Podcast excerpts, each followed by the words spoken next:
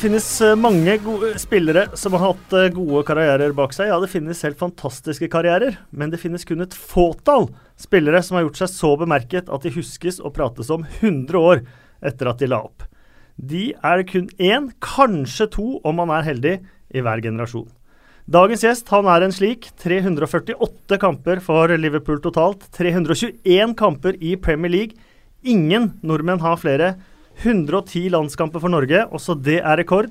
Han har vunnet Champions League, han har vunnet FA-cupen, og han har vunnet en drøss med andre trofeer. Jon Arne Riise, velkommen. Tusen takk for det. Det er veldig veldig hyggelig å ha deg her. Ja, Takk, det var hyggelig å være her. Jeg har hørt så mye om den podkasten nesten, og det er gøy å være her. Eh, du har gitt ut eh, bok. Det har jeg. Gratulerer. Takk for det. Den heter 'Fordeler og ulemper ved å være Jon Arne Riise'. Eh, jeg har lest boka. Jeg leste den i uh, forgårs. Og aller først må jeg si at det er en veldig kul uh, tittel. Og nå er jeg ikke noen bokkritiker, men jeg likte boka veldig godt. Og den er, i tillegg til å være en bok med mange gode fotballhistorier, også ganske sår. Du skriver en del om oppveksten, om fravær av nære venner og om utestengelse. Og så kommer du til en klubb som har mottoet 'You'll never walk alone'. Det har du tatovert inn på kroppen. Hva betyr 'You'll never walk alone' for deg? Nei, Det er litt spesielt at å ha hatt den oppveksten jeg har hatt. Um, og så kommer jeg til en klubb uh, som har den som uh, hovedsang. Det er nesten at det blir, man skulle tro det var meant to be. Um, og det er klart, når du uh, står i tunnelen der og har This is Anfield-plakaten der, og du kjenner fansen begynner å synge Walk Alone, så for det gjør noe med kroppen din, altså energinivået. Eh, du er skikkelig klar for å gå ut og gi alt for, for drakta og for fansen. Og, eh, og, for meg så Sangen seg sjøl er noe, men det er liksom måten å synges på, hvor du hører den liksom, på stadion blant 45 000 eh, gærne Liverpool-fans. Det, det, gjør noe med kroppen din. og eh, Det ga meg nok energi til å hvert ville ut der og bare gi, gi alt jeg hadde. Vi har også med forfatter av boka, Jens M. Eh, Johansson. Ja, hei. Velkommen. Tusen takk. Hyggelig å ha deg her. Veldig hyggelig å være her. Eh, du har skrevet denne boka. Eh, hvordan kom det, det, egentlig i stand? Nei, Jeg ble spurt, og jeg har blitt spurt om skrive sportbiografier før, og da har jeg alltid sagt nei. Altså alltid, Det har ikke vært så sinnssykt på gang, men det har vært noe. Eh, men dette var noe jeg kjente at eh, her kunne jeg bare ikke si nei til. Eh, den som jeg anser å være Norges beste fotballspiller gjennom tidene, og eh, den karakteren som han er, eh, og den, alle de oppfatningene som finnes om han, så tenkte jeg bare det å få lov å møte han og snakke om disse tingene ville vært et, være et privilegium. Så sånn begynte det. Sånn begynte det, og så blei denne, denne boka. Eh, eh men eh, Jon Arne, det, det, er en, det, er jo et par historier der. Du hadde jo vanvittig start på, på karrieren. Eh, rett som tenåring til eh, Monaco, har knapt spilt i andredivisjon. Um, ehm, ta Monaco med, med storm. Uh, du hadde manager som het Jean Tigana. Han ble senere manager i, uh, i Fulham. Og han ville ha deg til Fulham.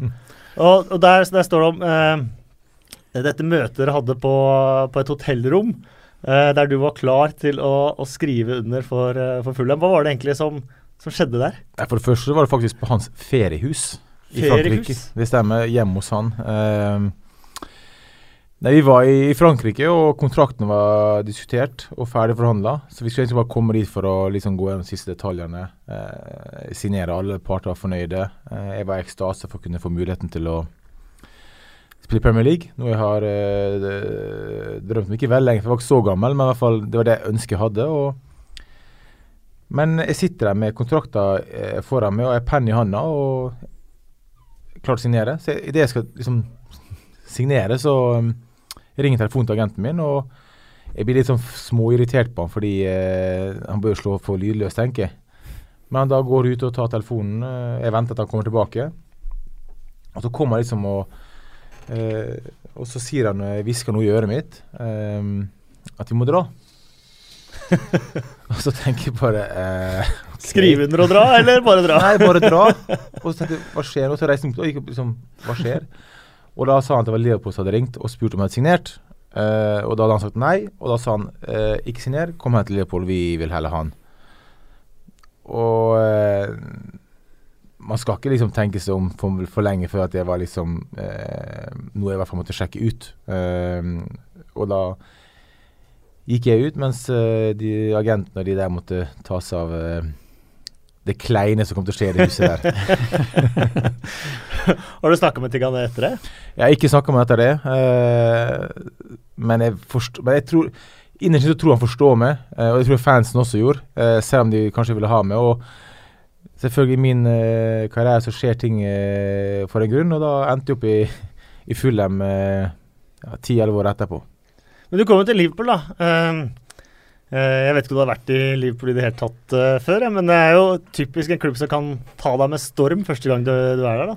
Ja, altså, og når jeg kom dit i 2001, så var ikke byen Det var en veldig slitt by. De har gjort ekstremt mye nå de siste 10-15 åra. Nå er det en fantastisk by å være i. Eh, ny bygning og liksom Eh, nå er veldig veldig fint der, men da var det veldig en røff by. Eh, som var veldig opptatt av eh, å tro på fotball. Eh, det var eneste som betydde noe. Og det, det, merker jeg fort i gaten at eh, det er veldig mye fotballprat. Eh, og litt, selv om det er litt norsk, så er det likevel mye forskjellig, fordi de har ikke det like bra som vi har i Norge. Og det, det merker man fort.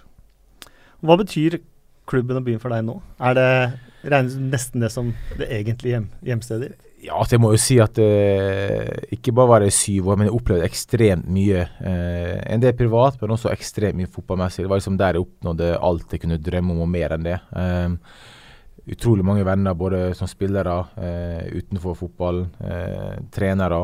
Så eh, også byen som alltid har vært god mot meg, fansen. jeg kunne gå i fred selv om det var ekstremt mye interesse rundt fotball. Så jeg ble sett på som en en scouser. Uh, snakker du skaus, eller? Når du snakker engelsk? Ja, når jeg kommer dit, så legger jeg litt om. Ja, tja, det husker jeg. ja, det, det, men det var jo fordi også, jeg skjønte jo ingenting da jeg kom dit. Uh, jeg husker jeg ropa når jeg snakka med Jamie Carrigan og Gerard.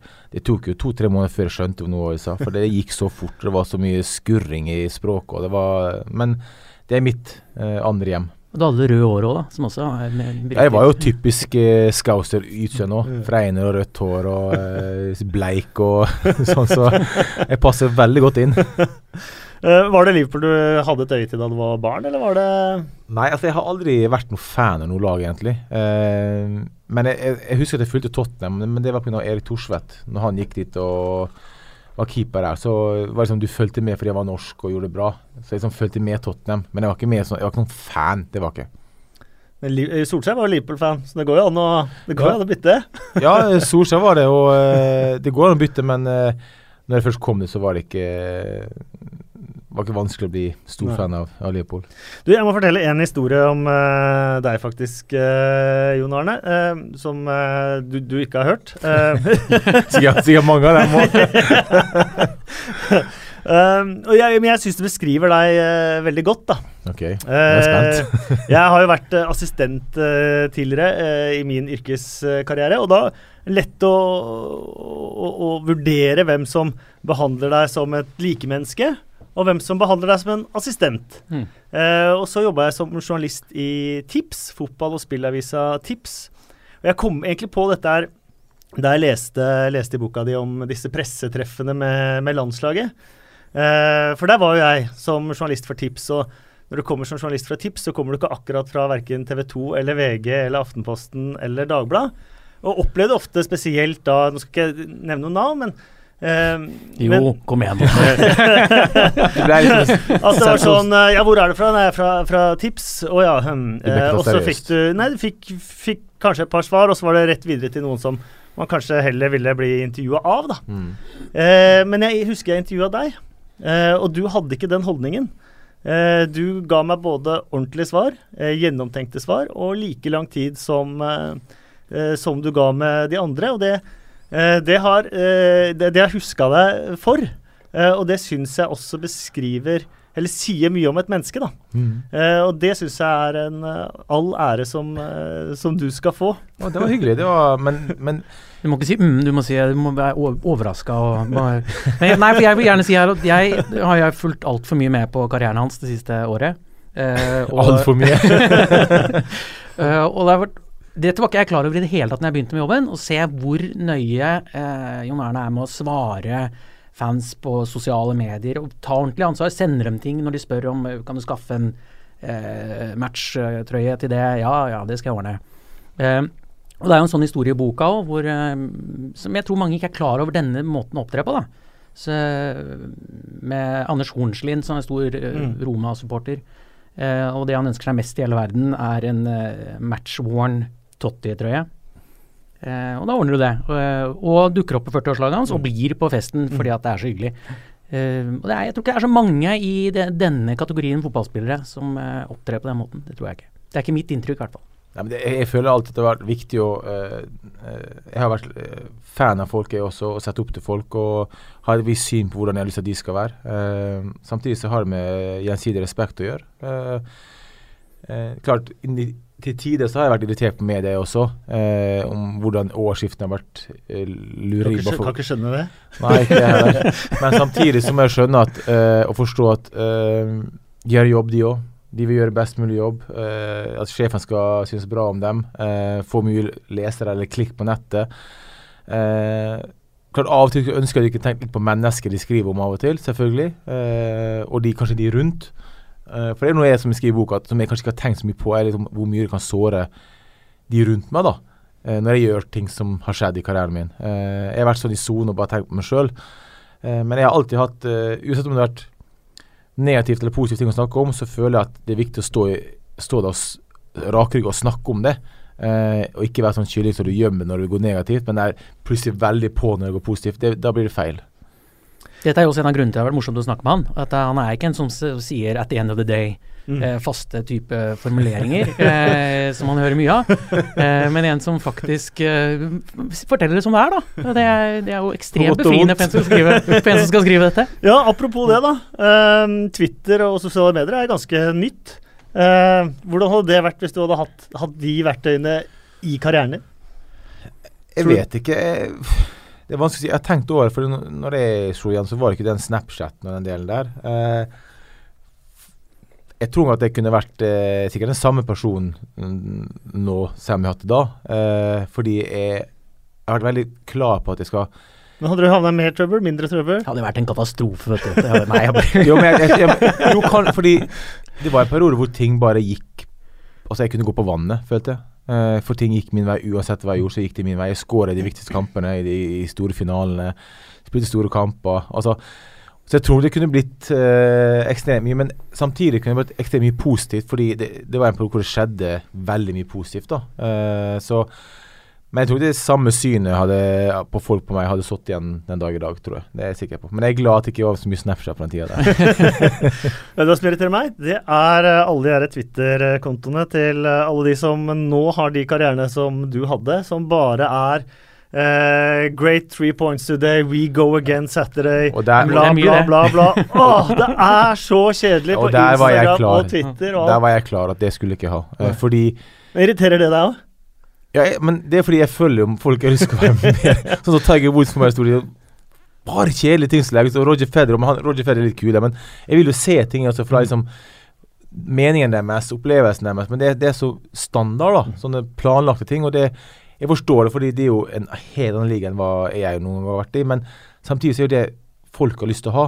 Og jeg er veldig sånn på Twitter at Nå har jeg vært sånn pause her og der, og ut og inn av Twitter, selvfølgelig. Men til syvende og sist er det jo fordi du gir noe tilbake til fansen i end of the day. Og, Hva sa du da? End of the day. end of the day. Så jeg føler at det er viktig å, å være ærlig med dem. Og, uh, Men du fikk med deg John Stones og Gary Cahill-greia, eller? Uh, hvor uh, på til Nei, på Instagrammet til John Stones så la han et bilde av jublende Chelsea-spillere og Great for Alvaro Morata with the, the, with the hat trick today and the three points. De har samme PR-byrå. så de blanda kontoer. Ops! Så jeg beskriver alt om hvor gærent det er. det er så, men det viser jo bare altså, Du ser jo nok av eksempler hvor folk har liksom lagt ut feil. Det står, Can you please put this out on ja. Instagram? Så da skjønner du at det ikke er dem som styrer. Ja. Men eh, på Twitter nå så styrer jeg alt sjøl. Uh, eh, Instagrammen så uh, er det flere som er med, men det er pga. bildene og hvem man samarbeider med og hvem man har lyst til å få ut sånne ting. Så der er liksom Eh, det er meg sjøl, uh, manageren min og et par andre som, som da er med på å legge ut bilde og styre den. da. Men uh, alle svar og sånne ting, det kommer fra gutten sjøl. Vi må legge alle sosiale medier og alt det tullet ja. bort. Uh, fordi at uh, Du kom altså til eh, Liverpool.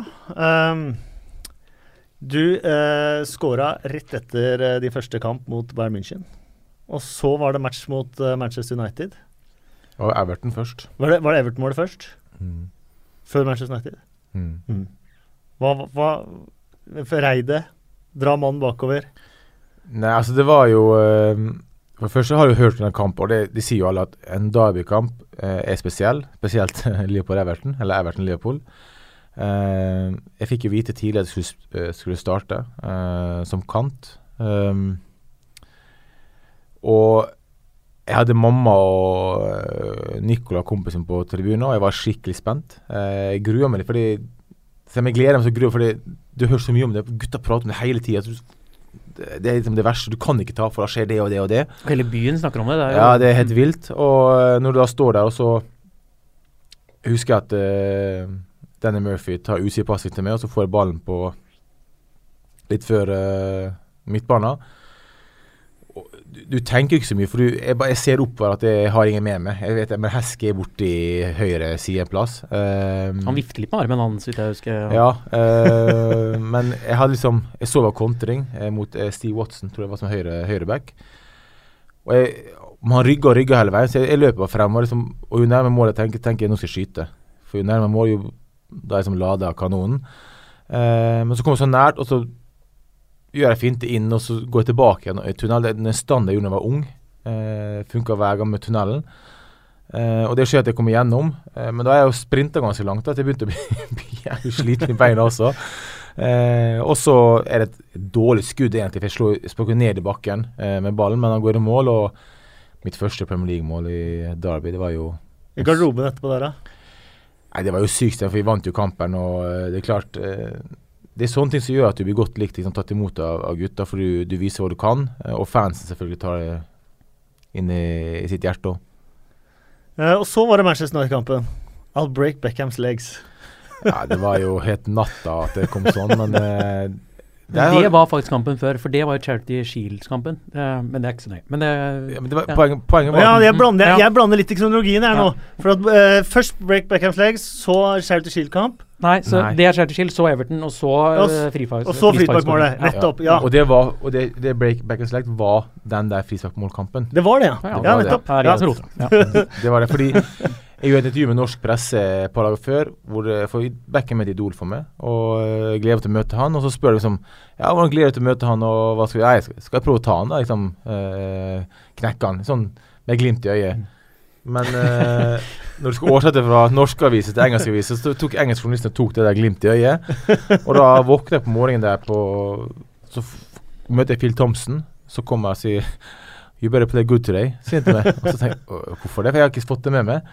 Og da og så gikk jeg til frokost og så alle avisene og alle baksidene. I'll break Beckhams legs. Og da tenkte jeg bare Hva faen skjer nå? Så da måtte jeg bare spille en bra kamp. Jeg kom på uh, helt digresjon. Uh, møtte en lower league-manager på La Manga for mange år siden, og han hadde liksom hatt ett cuprun. Uh, hvor han liksom hadde, om han skulle møte jeg tror ikke det var Premier League-lag, men førstedivisjonslag, i hvert fall betød mye for, eh, for, klubben. og sånt. Mm. Og ble ringt opp av en de her uh, tabloid, om det var Sun eller Mirror eller et eller annet. Og de er gode med ord, det skal, mm. de, det skal de ha. Og han sa han hadde pratet med dem på telefonen i kanskje tre kvarter, et eller annet. Og så, og så hadde journalisten spurt til slutt bare Ja, hva gjør dere hvis det vinner, da? No, I'll probably go out and have a few. Ja, hvis dere taper, da? Det blir vel det samme da.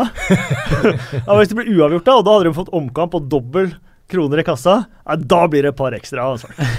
og så kom han ut fra hotellrommet dagen etter, og da satt styrelederen og nestformannen utafor hotellrommet hans med avisa i fanget. Hele baksida. Win or lose, I'll have a booze. If we draw, I'll have some more. ja, men der ser du. Sånn funker det. Så det jo ekstra press på meg da, før kampen, selvfølgelig. Men eh, jeg hørte den derre um, Mistenker i hvert fall at du hadde et frisparktriks som gikk på uh, første, klinke til i muren, så en eller annen skulle få ordentlig vondt og skape litt redsel, og så sette den andre gang. Stemmer det? Ja, altså eh, Jeg har alltid tenkt at uh, de som skal i muren, de skal være redd. Ja. Fordi jeg vil jo ofte at uh, de skal snu seg, muren skal spre seg, for da kan ting skje. Eh, så det er ofte sånn at uh, hvis f.eks. en mur er irriterende, litt for nære, eh, så tenker bare at OK, stå der, da. Og så prøve å smukke alt jeg kan for å treffe dem i en eller annen plass. sånn at det, når neste gang kommer, Mm. så vet jeg hva jeg skal gjøre. Det har lykkes med det, eller? Det har funka bra noen ganger. Det har det. Og det er klart, uh, en gang så var det jo litt for langt med Erlend Smith sin ankel, selvfølgelig. Men det var jo ikke noe jeg ville, da. Nå, dere sværa på det, eller var det Ja, altså det, men det var jo sånn Altså, han var jo den uheldige som skulle støte i muren. Uh, så idet ballen blir dytta og jeg skyter, så kaster han seg foran, og da treffer fot, eller ballen liksom tærne, som gjør at ankelen bare knekker rett av. Og idet han sitter der, så henger jo ankelen bare løst. Eh, og jeg tror det ødela ganske mye. Jeg tror han kom helt tilbake etter det, men jeg ringte jo han selvfølgelig. Da fikk jeg flott karriere Milton Keanes uh, Dons, han. Altså det, Ja, det, jeg, ring, jeg, ring, jeg ringte på kvelden selvfølgelig på sykehuset eh, og beklaga. Men klart, ja, som han sa, det kan ikke jeg kan gjøre med. Eh, men du føler allikevel. Jeg får flere spørsmål på, eh, på Twitter og, og, og sånn. eh, Hvilken sesong føler du var den, var den beste du hadde i Liverpool? Sånn prestasjonsmessig så vil jeg si eh, kanskje den aller første. Eh, fordi jeg kom som veldig ny og uerfaren og uh, ingen som visste om meg. Um, Holier sa jo til meg før jeg signerte at eh, hvis jeg spiller 15 kamper, så er jeg fornøyd. Men det er som innbytter også. Totalt i alle kupper. Så fikk du bare fire kamper som innbytter i ligaen. Ja, jeg spilte Jeg mista én kamp. Jeg spilte 63 av 64 sånne ting i den sesongen. 34 fra start, fire Ja. som er bytter i ligaen Ja. av 38. Pluss alt annet med Champions League og sånt og Mm. cuper. Så Og jeg skåra jo eh, jeg tror 11 eller 12 mål også, eller sånne ting. så jeg tror det første var liksom det beste Så, Men det vanskeligste var jo å følge opp det, men det følte jeg klarte i andre sesongen også. Uh, og så har jeg selvfølgelig 2005, hvor jeg vant Champions League, men der følte jeg ikke at jeg, eh, jeg spilte noe bedre enn det gjorde første året. Eh, Men eh, ja, du skåra seks ligamål og en god del mer eh, i cuper og sånt den første sesongen. Og jeg, på YouTube så ligger faktisk alle måla dine fra Liverpool, så jeg har gått gjennom det. Det er derfor jeg går litt sur Det anbefaler jeg alle å gjøre, Ja. altså, det må jeg virkelig si. Det er helt vilt. Det er i hvert fall egentlig litt sur i, i rekkefølgen her i, i starten òg, men eh, eh, stort sett i starten så er det av med trøya hver eneste gang. Eh, så ble det jo gult kort for å ta trøya, da. Men hva i all verden skjedde med målfeiringene dine etter det? For der var det mye rart. Ja, det var fryktelig mye. men, det, men det viser bare at da jeg først tok av meg trøya, så visste jeg ikke at jeg gjorde det. Altså Jeg hadde ikke planlagt det, det skjedde bare. Så ble det liksom en ting. Og det var kult. Men når det gule kortet kom, så visste jeg ikke hva jeg skulle gjøre. Så det, hver score ble jo helt, noe helt forskjellig. Eh, og det var helt... Jeg så til og med lå en Alger inni der òg. Ja, det var mye rart der. Det, men det sånn, du, du, du kan ikke planlegge. er ikke. Dette er ikke bra. Hadde jeg vært, hadde jeg vært spiss, da, så kan liksom, for du skårer mye mål, så kan du planlegge. Men jeg er jo stort sett back, eller noe sånt, jeg skårer ikke så mye mål, så jeg, jeg planlegger ikke før en kamp. Ja, hvis jeg skårer, så gjør jeg det. Uh, så det var veldig vanskelig å planlegge. Så det var mye surr der, altså. Det skal jeg innrømme. Det var fryktelig mye rart. Men det er sånne ting eh, som, eh, som vi som aldri har vært i verken en engelsk eh, fotballigagarderobe eller Premier League-garderobe, lurer på. Du skriver at det finnes garderobetriks, og det har vi jo hørt om eh, fra mange. Kaldt vann i dusjen, varme garderober. Eh, jeg, og tipper at jeg ikke er alene om det, vil vite hvor og hva slags triks. Det varierer jo hvilken størrelse du er på, hvilke muligheter de har. Eh, Få høre hvem som er verst, da. Nei, det er klart, Kommer du til en klubb som kanskje er mindre enn den du spiller for sjøl, så er det ofte at f.eks. Uh, først kan banen være knusttørr, Fordi de vil ikke at vi skal spille ballen kjapt, og sånne ting, så de vet at blir, ballen går sakte. eh, og det blir mer dueller og fysisk. Men det er som du sier, eh, varme i garderobene. Sett opp eh, heating før vi kommer, så det er fryktelig varmt. Eh, det kan være varm drikke istedenfor kald drikke. Når du Hvor? skal Nei, det, men det, det kunne være fra overalt, egentlig. Eh, ikke de store klubbene, det var veldig sjelden sånn. Men det var mer de, de litt mindre klubbene. Ofte kuppene, men også eh, andre lag i Premier League. Eh, men nå er jo, får jo alle nye stadion, og alt er mye bedre. Men eh, Det er litt fint òg, det. At de smålagene i cupene skrur opp varmen for å sette ut det. det jeg kjenner at jeg liker det litt. Alt tjuvtriks som er innafor, er bra. Ja, men det, men det er sånn. Men, og vi vet jo at de, de, Og det er ikke spilleren på andre lag sitt feil, det er jo de som jobber på stadion. Og når vi da sier for sjette gang kan du skru ned varmen Og, og, og det var det dere skulle, ja! Da skjønner jeg at det er et eller annet som skjer. Nå kom jeg på, faktisk, Uh, og det, nå ble jeg litt nysgjerrig. For jeg har stått utafor den Liverpool-garderoben flere ganger. For at uh, I det gamle Anfield, som Mm. du også spilte, det var sånn, så fikk vi alltid lagoppstillingen rett utafor garderoben der, en Mm. time før kampstart. Da kom vi ut og så, og så leste opp uh, Der de intervjua sånn ned trappa der. ja, Ja. Mye rar musikk ut av den uh, garderoben. Uh, Rihanna blant annet er kanskje ikke det man forbinder mest med liksom sånn å lade opp til, lade opp til match, men er det ræva musikksmak ute og går, eller hva er greia? Det varierer veldig. Det er liksom Det er ofte Det er derfor folk har med seg egne headset. ofte fordi det er noen som bare tar tak på musikken når vi har sånn høyttaleranlegg der inne. Og det er fryktelig mye rart. Det verste er når du får disse fra Senegal og disse fra Afrika til musikken, for der er det mye sånn der eh, Det er mye ræl, ræl altså. Der er det Men det skal jo ikke du si, egentlig. Tenker, En ting som er med i boka hvor, Første sesongen, det han, den han hadde mest lyst til å møte, når det hadde gått så fantastisk bra Han kunne si hvem, hvem Det var Britney. Spears. Var Britney Spears. men, men hun, Ja, hun, kan, ha- hun kan ha fengende sanger, hun. Ja, absolutt, men, absolutt. Og vi elsker sanger som fikk det gira i gang, og du kunne synge med eller føle bra. Rihanna.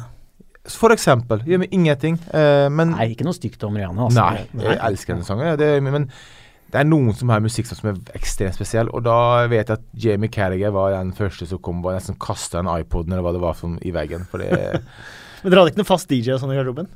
Noen prøvde, men eh, de får liksom Jeg husker en periode var De får liksom For eksempel hvis det var Harry Cool eller Neil Meller, for eksempel. Da. Ja, du, fordi de var ung da, sånn som Neil Meller.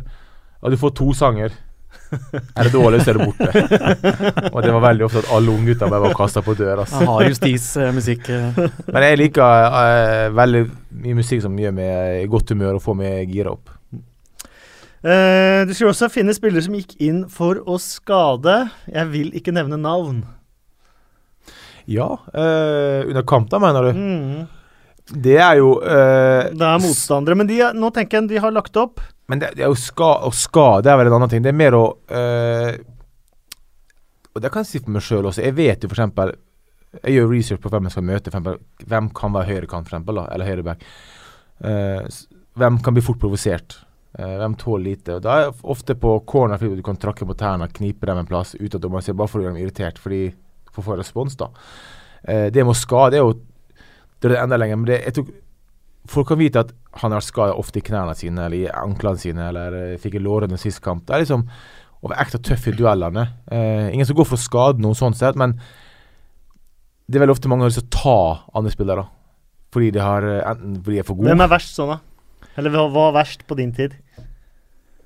Nei, altså, Du har jo de der typisk engelske spillerne, de som uh, elsker den der typiske uh, kick and run-fotballen. og det var nok av de. Eh, eh, Men Var det noen du møtte, og så var du redd for beina dine? For jeg var aldri redd for meg, for jeg var en ty sånn type som likte å gå i dueller og sånne ting. Eh, men det Han var klart- en man var redd for. Det var, Men jeg husker, og ikke noe med, noe med taklinger, men sånn så Jeg husker jeg møtte Alan Shearer, for eksempel. Ehm, og han var ikke sånn som takla så mye, men en sterkere motspiller som spiss. Altså Jeg husker det kom en lang ball, og når du kommer til forsvaret bakfra og skal løpe og heade ballen, så er det ganske lett å vinne den fordi du kommer fart. Jeg husker jeg tok, jeg tok fart, og så møtte jeg bare Sa det pang, sa det. Det var ryggen til Shearer. Han rørte ikke seg. Altså Det var ikke snakk om engang. Han bare bom, sto dønn stille. Altså det var ikke en vegg. Og, eh, men det er klart, sentrale midtbanespillere på noen lag er eh, er eh, tøff å møte. Um, en av de tingene som, eh, som får litt plass i boka, selvfølgelig, og, som man eh, husker eh, godt, det var jo episoden med, med Craig Bellamy. Dere skulle spille på Camp Nou i Champions League. Eh, fått en, noen dager fri i Spania først. Ja, Vi skulle ha trening sammen, med, med, med sånn komme seg vekk til varmen, trene rolig, spille litt golf. Bonding-variant. Mm. Ja. Um, og der eh, Ja, du, du kan fortelle selv. Der smeller det. Craig Bellamy var også din lagkompis i, i Liverpool.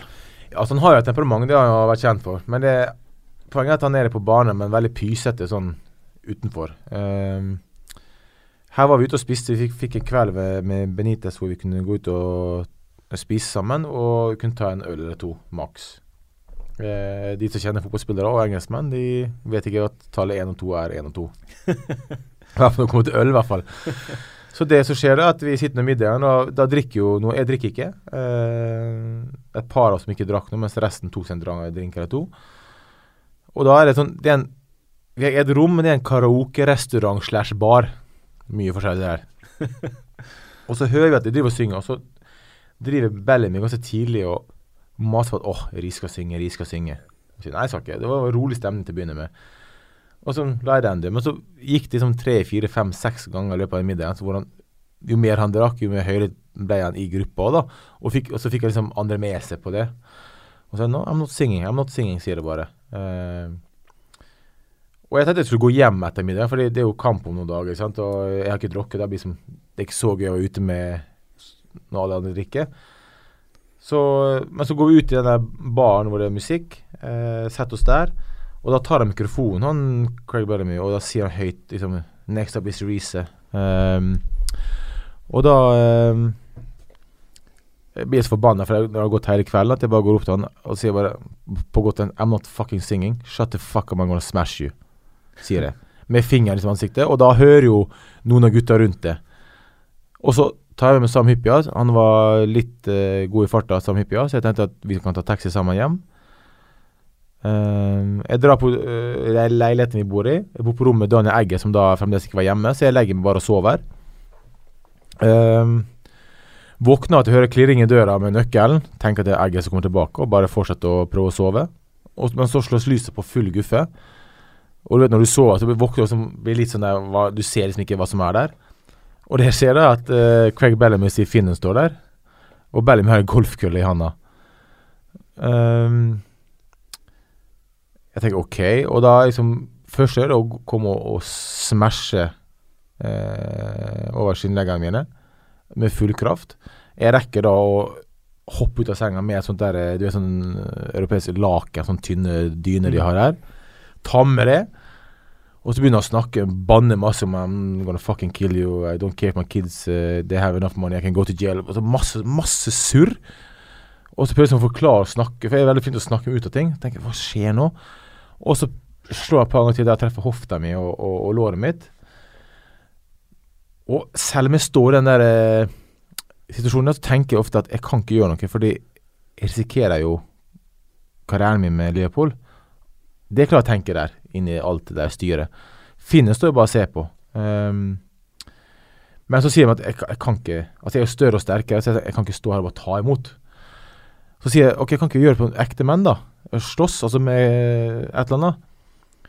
Og så sier han eller annet. ja, og så sier Legg bort golfkølla. ja, men jeg hadde, jo, jeg hadde jo tenkt å, å slå en gang til, så jeg tenkte å ta dyna og ta han, prøve. Men så sier jeg OK, tomorrow morning 9 o'clock, outside my room, we'll finish this, sier han. OK, great. See you tomorrow. Så går han, sint som faen. Så kommer Agger hjem. Jeg forteller Han klikker jo, har lyst til å gå og ta han. Uh, og så hører jeg surr ute. Er jo Jersey Dudek uh, putta inn en politibil. Står og slår i taket. Så kommer da uh, Benitez over for å snakke med, for da har han hørt hva som har skjedd. Så kommer legen for å sjekke skaden. Men det kunne endt karrieren din der? Ja, ja, uten tvil. Eh, hadde han truffet deg i hvert fall på skinnleggene, så begge to, så hadde vi vært ferdig. Så neste måned så går hun klokka ni og banker på døra hans før vi er ferdig. Uh, jeg, visste, jeg, hadde jo håpet at han hadde roa seg ned litt da, men han var ikke der. Uh, så gikk jeg på frokostbordet hvor gutta satt og spiste, og da kom han fem minutter etter meg. Sikkert i møte eller et eller annet. Eller åpna bare ikke, det kan jo også hende. Ja, han åpna ikke døra. Nei, det kan ja, han kan godt ha vært der, ja. Det vet jeg ikke. Og da kommer han gående, ser ikke på meg engang. Og så begynner gutta å le, selvfølgelig.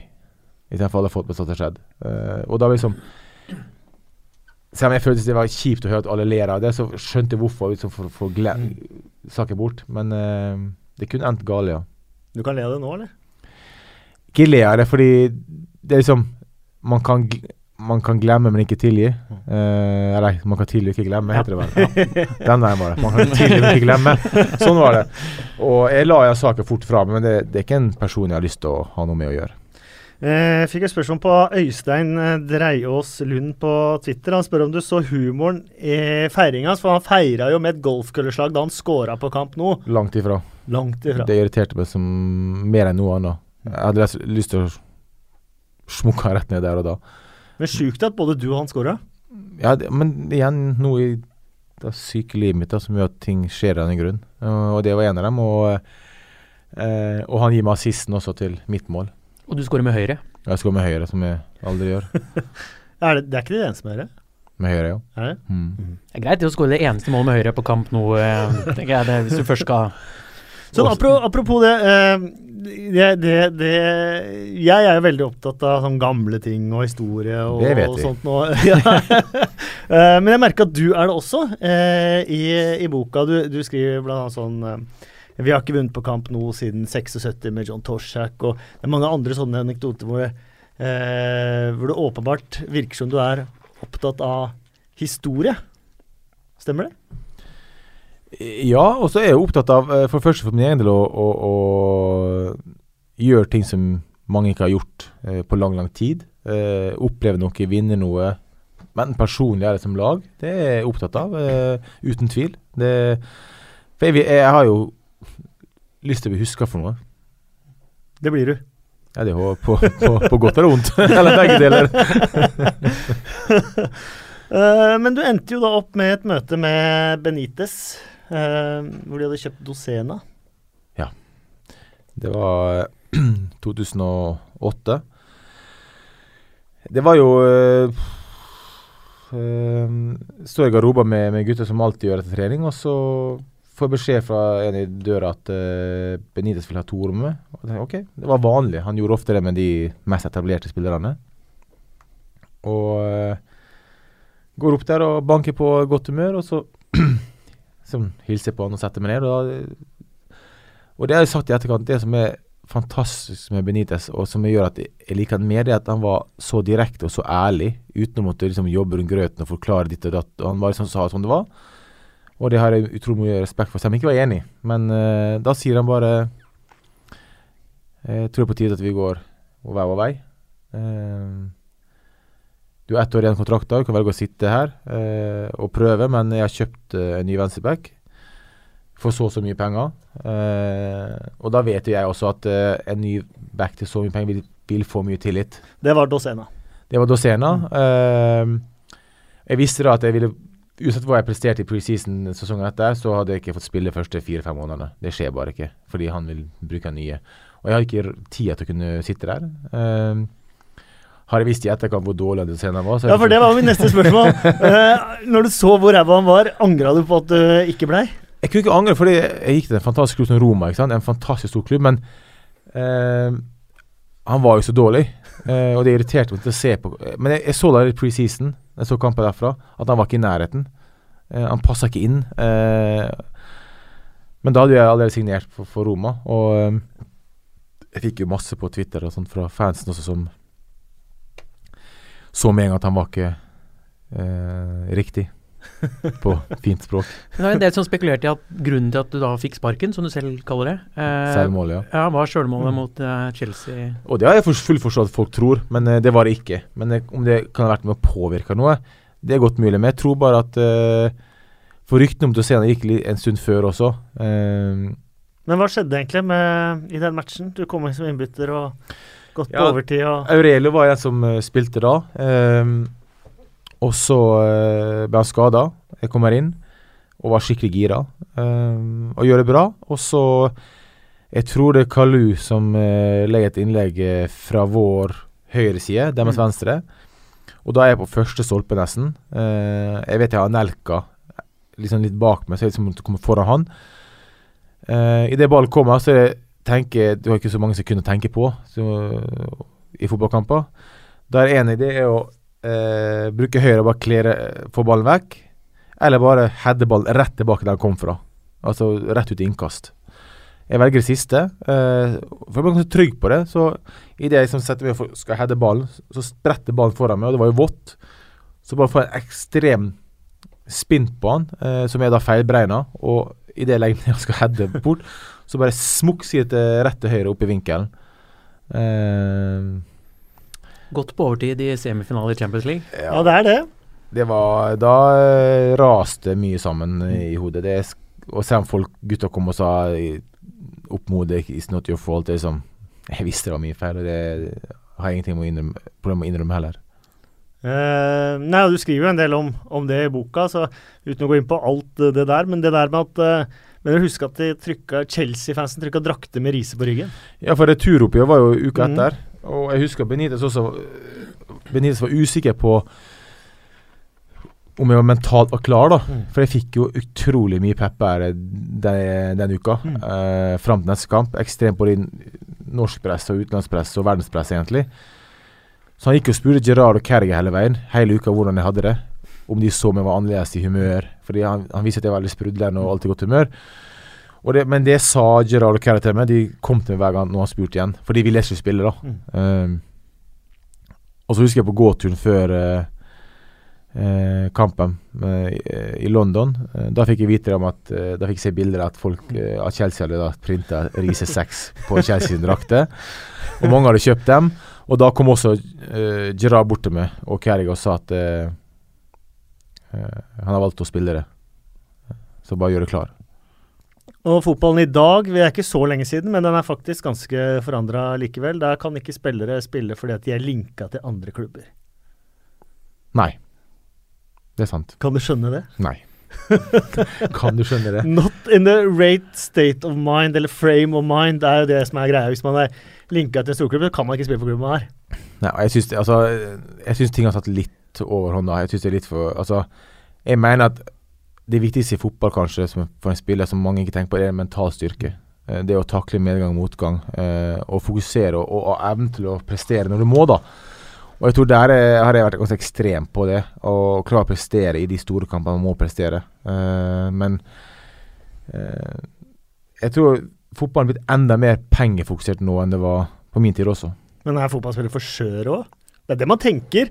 Eh, men Jeg kunne godt forstå hvis du ikke hadde kunnet spille den matchen etter den uka du hadde vært igjennom, eh, men fordi at du blir linka til eh, Barcelona eller Manchester United, så skal du ikke klare å spille for klubben din. Det, Det er, det er idiotisk. Ja. Det syns jeg da, hvis, hvis spilleren mener det, så er det idiotisk. Hvis klubben mener det, og sier at de kan på vegne av spilleren si at han er ikke klar, det er enda mer idiotisk. Selvfølgelig er spilleren klar til å spille. Jo, når du, det er når du kommer på stadion, så, så er det din egen verden. Uavhengig om du linker til Barcelona, Real Madrid eller hvem det måtte være. Følgelig. Det høres helt naturlig ut. Ja, det, og, og jeg forstår at folk reagerer på det. At, eh, eh, men samtidig så Jeg tror ikke folk skjønner hvor stor fotball er da i Europa og verden generelt. Eh, man får mye trøkk, eh, men eh, sånne ting må man takle. Eh, det er Liverpool-Manchester United til helga. Yes. Du hadde noen fantastiske oppgjør der. Og det slo meg, jeg pratet med en kollega her om dagen, at hadde vi hatt en Jon Arne Riise i Liverpool i dag, sånn som du presterte da, så hadde vi søren meg hatt en egen korrespondent som bodde i eh, Liverpool. Eh, da var det på en måte flere vi hadde som spilte mye kamper, Mm. var store i, i Premier Jeg League. husker at det var ekstremt mange som hadde eh, egne journalister boende i Manchester, London Mm. eller Liverpool, fordi det var så mye nordmenn som gjorde det bra. da. Mm. Eh, men de, de, de oppgjørene der ble også litt sånn Riise mot Solskjær også. Mm. Følte du det sånn òg? Ja, det gjorde jeg. Og, men Jeg ville det skulle være sånn også. Uh, litt fordi uh, For det første har uh, det blir sånn Først er det Liverpool United, som er Det er én duell med, blant norske fans. Og når du har to stykker da, som har suksess også, så blir det enda en større duell. For, også for meg så var det lagmessig viktig at Liverpool slo United, men personlig var det enda viktigere at jeg slo Solskjær. Mm. Og det, det er sånn ri- rivalisering man får automatisk uten at man tenker over det, fordi det er to store klubber og to store spillere. Eh, og klart, jeg ble jo Jeg har vært misunnelig på, på det Solskjær oppnådde, selvfølgelig. Eh, og ikke minst som trener. Men jeg føler at jeg, jeg har i hvert fall gjort eh, noe av det samme som han har gjort. Eh, selv om vi er to helt forskjellige Mm. personligheter og spillere. da. Men ditt forhold til Solskjær. Man merka jo litt på den boka 'Landslaget' som eh, kom også, at det er et eller annet der som Jo, altså jeg, jeg, Men jeg skriver om det i, i boka mi også. eh, og for, for min del så er det mer den der eh, litt sånn eh, Den vennlige rivaliseringa, da. At det er på United og Riise Solskjær. Litt misunnelse eh, for hva han har oppnådd. Eh, og at han da eh, selvfølgelig valgte Solskjær var alltid hylla i norske medier på ting han sa, for han sa liksom aldri noe feil, da, i norske øyne. Mm. Han var liksom den perfekte nordmann. Mens uh, min side, jeg var liksom den der uh, som turte å si eksakt hva jeg tenkte og mente, og hva jeg ville. Kjøpte rød Ferrari. Kjøpte rød Ferrari, og som da folk elsker å skrive om og sånt. Og så jeg liksom var helt stikk motsatt. Men grunnen til å være sånn duell var jo fordi nordmenn er som Solskjær. Mm. Jeg tror ikke nordmenn generelt var klar for en person som meg, egentlig, for å si det fint. Forholdet deres nå, da? Altså, vi, vi, han var jo trener i Cardiff da jeg spilte i Fulham, annet. Mhm. Og det er fint vi handshake og prater masse om fotball og sånt. Det som er viktig å, å få fram, man må kunne skille mellom jobb og privat. da. Eh, fotballbanen så var liksom, det var en rivalisering, det var en duell der. Om det var misunnelse fra meg til han eller motsatt, eller hva det var. Det er jobb. Men jeg har all mulig respekt for Solskjær og den jobben han har gjort som spiller, og ikke minst som trener, og det han oppnådde, selvfølgelig. Men på jobben så var det en, en, en duell der, og det, da må man ha litt uh, intriger. Det er Eh, fint å innrømme at man kan være misunnelig på noen òg, syns jeg. Det er liksom så mange som ikke Definitivt. sier det. At det er bra at man Mm. Ja, av og til er man jævlig misunnelig på noen. Sånn er det jo. Men det er det, er jo- det, det, er- Vi er mennesker. ja, men det som er viktig, er jo at det å ha god selvtillit, som jeg alltid har hatt, og det å være arrogant, det er veldig tynn linje der. Mm. Eh, og forskjellig fra person til person. Mm. Og jeg kan forstå at folk har sett på meg som arrogant fordi deres linje for det å ha høy selvtillit kanskje er lavere enn en andre sine. Men for min del har det bare vært at jeg har troa på meg sjøl, og hva jeg kan, og hva jeg er god for, og har sagt det. Men det for andre kan virke som, virke som arrogant. Men det som har gått i min for, det er at jeg har bevist det gang etter gang at jeg faktisk har vært så god med det jeg opplevde da. Så det er liksom, jeg tror det er eh, grunnen til at folk kanskje misliker meg litt, er fordi jeg har gått over et par grenser som kanskje for noen er litt lavere enn andre. Og det har med den arrogansen og selvtilliten å gjøre. Så tror jeg også at du har, i hvert fall sånn jeg oppfatta det, konstruert situasjoner, kanskje ikke helt bevisst alltid, men konstruert situasjoner som har vært veldig vanskelig og knepne å komme seg ut av. Jeg skal love det. Eh, og, eh, og stort sett har det da blitt løst ved å gjøre et eller annet fantastisk på fotballbanen. Eh, og så er et eller annet system der som er Um, eh, du har jo hatt flere andre managere også. Martin Joll i Fulham. Yes. din absolutte favoritt. Men han hadde en dans i garderoben, hadde han ikke det? Når dere vant? Jo, det hadde han, ja. Det var ikke, ofte, det var, det var ikke så ofte den kom. uh, jeg, jeg vil ikke kalle det dans, men uh, Det er en svær mann. Ja, men for helt ærlig, jeg syns Martin Joll er en fantastisk uh, kul trener. Veldig laidback. Klart, det gikk jo en periode på over 100 dager hvor jeg ikke spilte kamp. Eh, hvor eh, jeg ikke skjønte hvorfor, men han foretrakk Kieran Richardson istedenfor meg. Og, men jeg syns han var ekstremt uh, kul. Han, han ga meg sjansen til å spille med, med broren min i, i Fulham, og det er jeg evig takknemlig for, fordi det var ikke lett å få til det heller. Men da må vi over til eh, en annen manager du hadde, Felix uh, Og vi har alle hørt ostehistorien uh, da han skulle helbrede Brede Hangelands skade. Vi har hørt eh, mye annet også. Eh, men uh, jeg har også hørt at uh, før bortekamp, om det var kanskje var den første bortekampen dere hadde, så krevde den at dere skulle drikke øl i hotellresepsjonen kvelden før. Det var hver bortekamp, det. Det var hver bortekamp, faktisk. ja. Um, Hvorfor det? Bonding. eh, Felix Magath han, han gjorde ting feil fordi vi hadde jo Martin, nei, hadde René Målenstien som kom inn som trener. Og vi hadde, det var landslagspause, så vi fikk fire dager fri. Hvorav folk Noen dro til eh, Spania, Portugal. eh, Jeg dro på fjellet. eh, Det var vinter. Med, med, med kona for å ha noen dager på fjellet. Idet vi da kommer på fjellet den dagen etter siste kampen, så får, vi meld, får jeg mail om at René var sparka, og vi har antatt Felix Magath. Og da får jeg melding fra eh, Sasha Riter, som hadde hatt han mm. i Tyskland, og han sier Oh my God, help us. Fikk jeg bare og tenkte, "Hva- skjer? Og da spurte jeg liksom hva, hvordan er, Og så forklarte han masse historier da, hvordan det er. Hadde han vært smart, Felix Magath, han latt spillerne ha den tredageren til de resterende tre. Det han gjør, han kommanderer alle hjem dagen etter. Så alle flybilletter med barn, ferie, turer, alt sånt måtte da ombokes. Masse penger til det. Og så da fly tilbake igjen. Da starter du på feil ark altså med en, nytt lag når du gjør det. Og så først jeg sier da, når vi kommer på samling, er I know you heard some stories about me. They're not true, sier han. Men da ser jeg at allerede da at han vet at det snakkes om han, ikke sant? Og det viser at det var verre enn det jeg trodde det var. Så de var ikke sanne, de var mye verre. Ja, og det med ølen, det med ølen var at vi fikk, ta- vi Dere fikk drakk altså øl hver kveld før bortekamp? De som ville, jeg jo ikke, altså de som ville, men vi skulle samles i Det er ganske sjukt, da. Vi, vi, før hver bortkamp så får du Du kommer da på hotellet, og så får beskjed om OK, middag klokka da, så spiser du, og så får du beskjed om kommer det en time etter middag i baren for å ta en øl.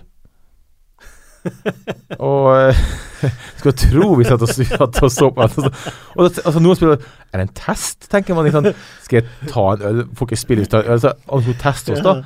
Så vi, vi, noen tok liksom Cola, Cola Zero og alt det der. Mens noen da I'm gonna try a beer. Så prøvde, da. Og det var det han ville. Veldig spesielt. Så uh, en gang uh, Jeg vet ikke om det skjedde også flere ganger, men uh, hvordan var dagen, trening dagen etter tap? det spørs om du vant eller ikke. nei, altså Ja, etter tap. Etter tap, etter tap så var det det kunne være altså Normalt i en restriksjonsøkt Sånn stå stille i formasjon i 45 minutter, f.eks.? Nei. Det kunne være det, men før det så måtte du gjøre noe. Eh, det, det, var ofte Med andre tjenester er det sånn Du kommer inn, så er det løping kanskje 20 minutter, kvarter på mølla, ute eller sykkel, og så massasje, litt lekenball. Det er liksom standard restriksjonsøkt for de som har spilt kamp. Spesielt med reise i tillegg. Her var det tap, så var det møteringen. Da skulle alle løpe kanskje en time. De som spilte også. Løpe rundt anlegget i en time. Så var det kanskje gå til formasjon og stå der i en halvtime og uh, bygge leir eller noe. For det, jeg jeg snakka med Brede Hangeland så vidt i går. Uh, og han nevnte jo akkurat det der at man måtte stå stille i formasjon i 5, 45 minutter. Mm. Dere løp ikke i går, så dere skal ikke løpe i dag. ja, stå og tenke sammen, da? Liksom, Nei, men han, han, ville bare Stå en elver i formasjon stille, det, jeg had, ser for meg synet. Så hadde, det, altså. så hadde en fitnesscoach som da er fra militæret. Han gikk veldig sånn militærsk stil og var veldig sånn derre Og det var, det var, det var jeg, Og tysk? Jeg, Nei, altså, ja, dårlig engelsk, men jeg, jeg har hatt mye trenere, trener, altså, men han var uh, spesiell. Du har spilt sammen en del uh, spillere. Jeg er litt nysgjerrig på noen av dem. Hvordan var uh, Ari spilte du sammen med i, i, Monaco? Fantastisk type. Utrolig morsom. Alltid med en smil om munnen. Uh, litt sånn som du ser han nå var i Arsenal. Liksom. Skulle tulle mye. Uh, en herlig type som uh, Selvfølgelig da jeg kom, så hadde han vunnet VM, da. Men uh, utrolig fin type, altså. Han, er, og jeg, ser, jeg møtte jo han full av Arsenal og sånne ting òg. I garderoben, eller i, i, tunnelen. Herlig type, altså. Barthes og sånne? Han slår meg jo som en karakter. Det var han òg.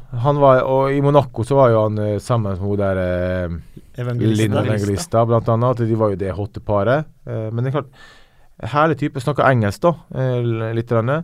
Men klart, jeg røyka jo. Eh, var veldig spesiell. Var ikke så veldig profesjonell i sånn som jeg så, da. Men trente hardt og var dritgod på trening og sånne ting, men eh, levde livet utenom. Og du brakk håndleddet, altså? Ja, brister det, forstua det. Et eller annet. En det er dine første treninger? Ja. det Og da hør På et skudd, ikke sant? På, ja, ja. han skulle redde et skudd, ja. Så det er liksom Det å sette respekt på en litt annerledes måte. uh, og så er det selvfølgelig uh, Michael Owen som fremstår som verdens kjedeligste fyr. Er han det? Jeg tror, han, jeg tror faktisk han ble hva skal jeg si, når jeg kom, så var jo han storstjerne. Uh, og i, i, gruppa så var han uh, utrolig godt humør. Uh, men elska liksom å spille kort, spille biljard, racing post hele tida. Liksom, han elska det hestegreiene. Så han, veldig, han og Dietmar Hammer var veldig der, da. Eh, men også de var Han var en herlig altså, Stille, veldig familiemann. Eh, ikke sånn som var så høylytt og uh, veldig mye. Men eh, ekstremt eh, hyggelig og, og snill. Eh, han var veldig god. En god gutt. Og Fowler Han var jo en del av Spice Boys-gjengen også før. Og han kom jo på en måte tilbake også. var veldig sånn sentimentalt, men Ja, Robbie Fowler var, er vel en av de morsomste typene vært på lag med, fordi han var så Han var så spesiell, da. Eh, med Åssen da? Nei, under trening og før trening. Eh, frokostbordet, eh, toast med masse smør på. Eh, liksom bur, altså, Jeg var i gymmet veldig ofte. Han Han var ikke der? det var ikke han. han visste ikke hvor gymmen var engang. Men altså, han var så morsom, da. Mm. At jeg lo. Han, han fikk meg til å føle meg bra hele tida. Og eh, snakker veldig sånn køddete om alle mm. med- og motspillere. Og han, eh, så han skrev nå her om dagen eh, om Rafa Benitez, eh, siden var innom det også, at han er Og Det var kanskje det du sa du respekterte Benitez for òg, at han, eh, Benitez kanskje er den minst sentimentale mennesket i fotballen. Han tar avgjørelser uten tanke på noe som helst som går på noe annet enn fotballavgjørelser. Og laget sitt. Og laget sitt. Og han lot jo Fowler bli hjemme under Champions League-finalen i 07 f.eks. Ja, han øh, Det støtter jeg Fowler i, og, men jeg respekterer Bindis for det. fordi han var så opptatt av å vinne og gjøre best mulig og forberede seg best mulig til, til kamp. da. Eh, eneste Bindis uh, kla som klaga mest på, var penger, altså innkjøp. Uh, det kjenner vi igjen. Han fikk aldri nok penger til å kjøpe spillere som han ville ha. jeg vil gjerne ha Vi pleier å ha lister i denne, denne podkasten. Så vi må ha en liten liste. og det er fem spillere. Uh, så nå må du tenke litt. Uh, du skal få lov å tenke bitte litt på den, skal du få et par andre spørsmål mens du tenker. Men de fem dårligste spillerne du spilte med i, uh, i Liverpool Men før det skal du få tenke bitte litt på den. Okay. skal vi ta et par Twitter-spørsmål? Sebastian Johansen spør hva du syns om dagens Liverpool-lag, og hvilke posisjoner du ville forsterket med hvem? Jeg føler at vi eh, Jeg sa i første omgang at jeg trenger en ny keeper. Eh, midtstopper. Altså Forsvarslinja syns mm. jeg er for svak. Eh, Matip var god i fjor, men jeg syns han har vært eh, usikker i år. Eh, Lovren eh, Men du som kan dette her, går det på at de fire er overlatt fullstendig til seg selv, eller går det på at de fire ikke er gode nok? Jeg tror det er en blanding. Eh, jeg syns at midtbanen vår eh, altså det, spillet, det, systemet de har, er veldig offensivt. Eh, men det går an å kommunisere. Eh, jeg husker sånn som vi hadde Jeg hadde jo Gerard Alonso Mascherano på midten der Når jeg var venstreback. Vi hadde sånn relasjon at vi trengte ikke å snakke, vi. Jeg vet når ballen kom fra Siv fra høyreback inn, så kunne jeg bare starte. Jeg visste, og de visste at jeg var der. Mm. Eh, jeg visste at når jeg går fremover, så er det er det noen som dekker min plass som, som venstreback. Jeg visste at Dietmar Haman var der, Alonso var der, Gerard var der, Hyppia skjev over. Mm. Det visste jeg. Mens nå er det ikke noe sånt. Du ser at du ser det usikre hverandre, og derfor blir det stor rom, da. Eh, men eh, vi har midtstoppere er noe vi trenger sårt, og så vil jeg ha en eh, eh en litt større leder eh, sett av midtbane. Når du snakker Gerard Mascherano og um, Alonso. Alonso og vi snakker i dag Siste matchen var Henderson, Wijnaldum og Coutinho.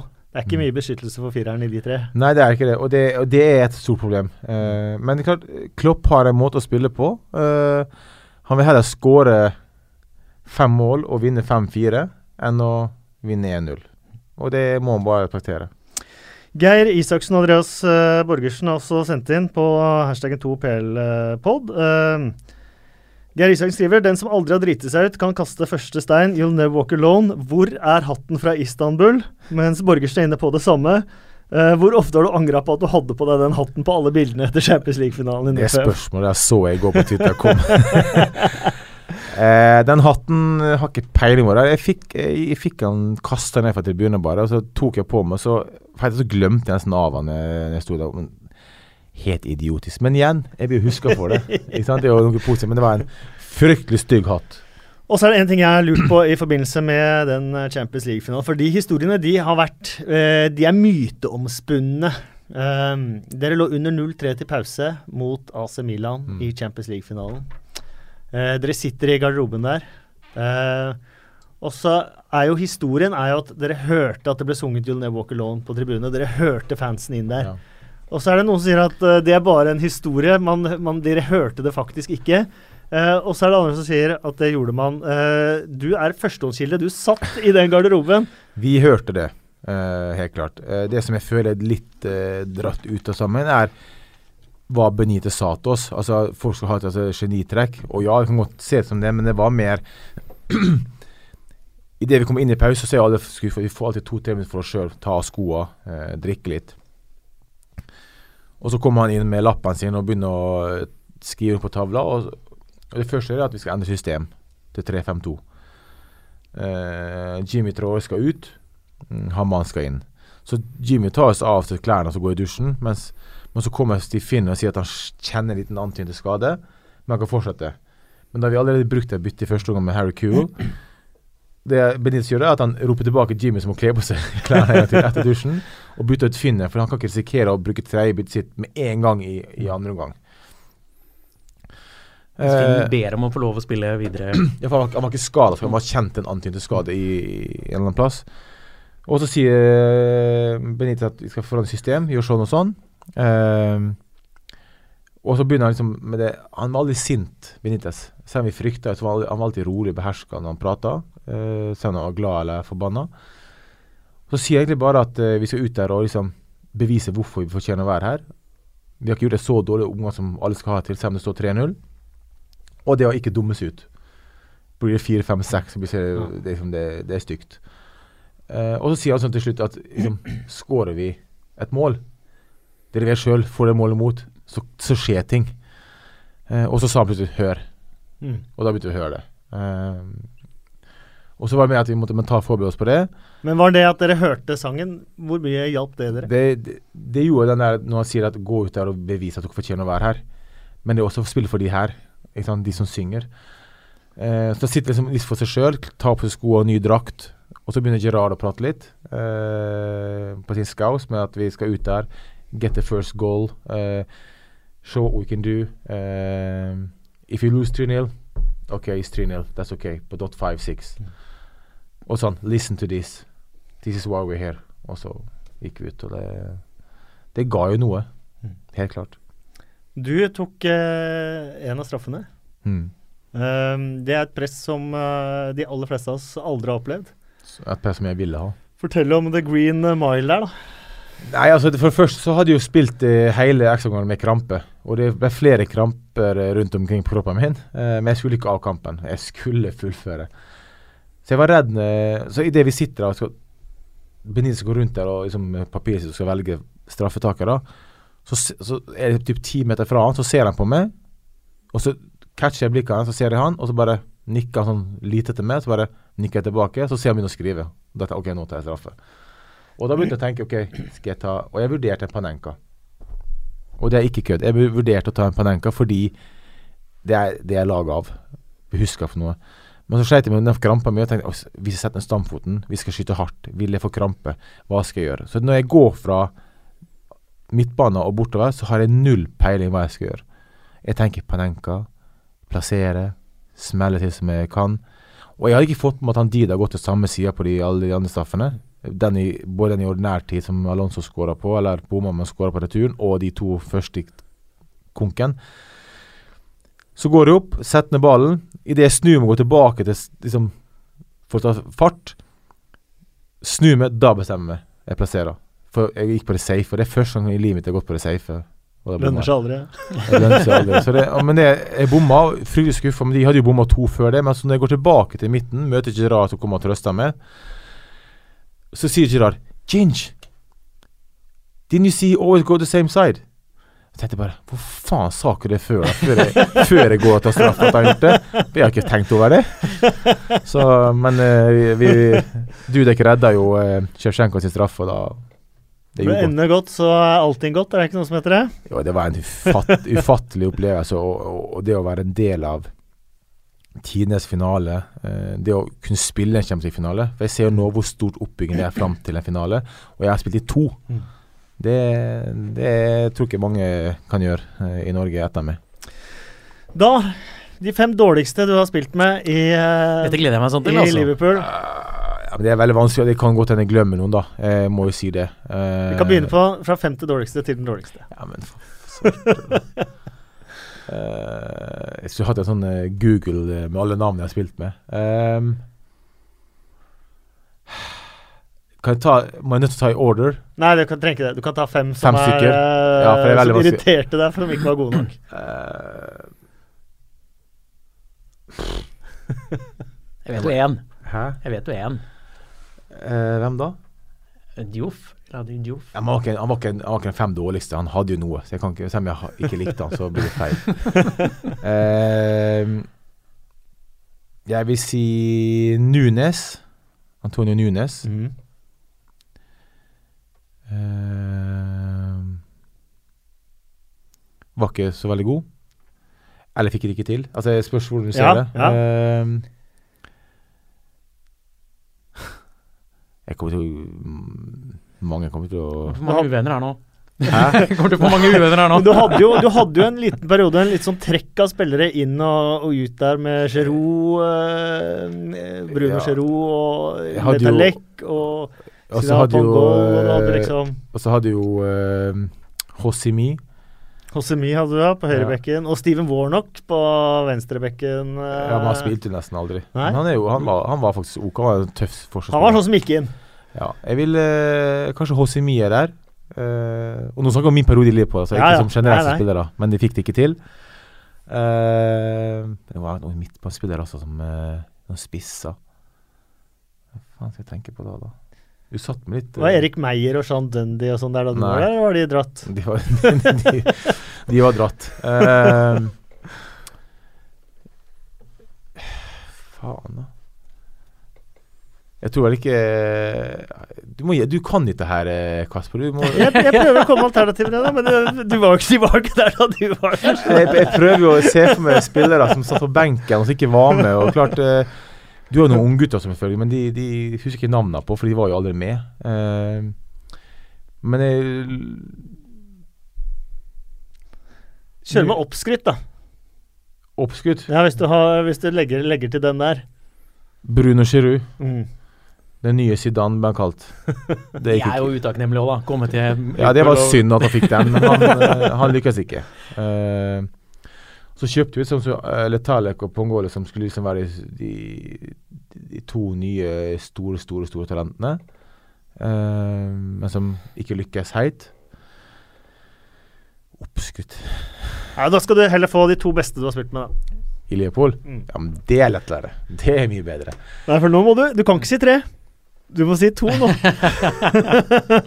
Har jeg sagt, sagt, har jeg hvis sagt tre før? du kunne sagt fem eller noe sånt, så hadde det vært lett. Hvorfor er det de to? To beste jeg har spilt med under min tid der. Mm. Uh, nummer to vil jeg ta Alonso. Må tenke. Ja. Alonso.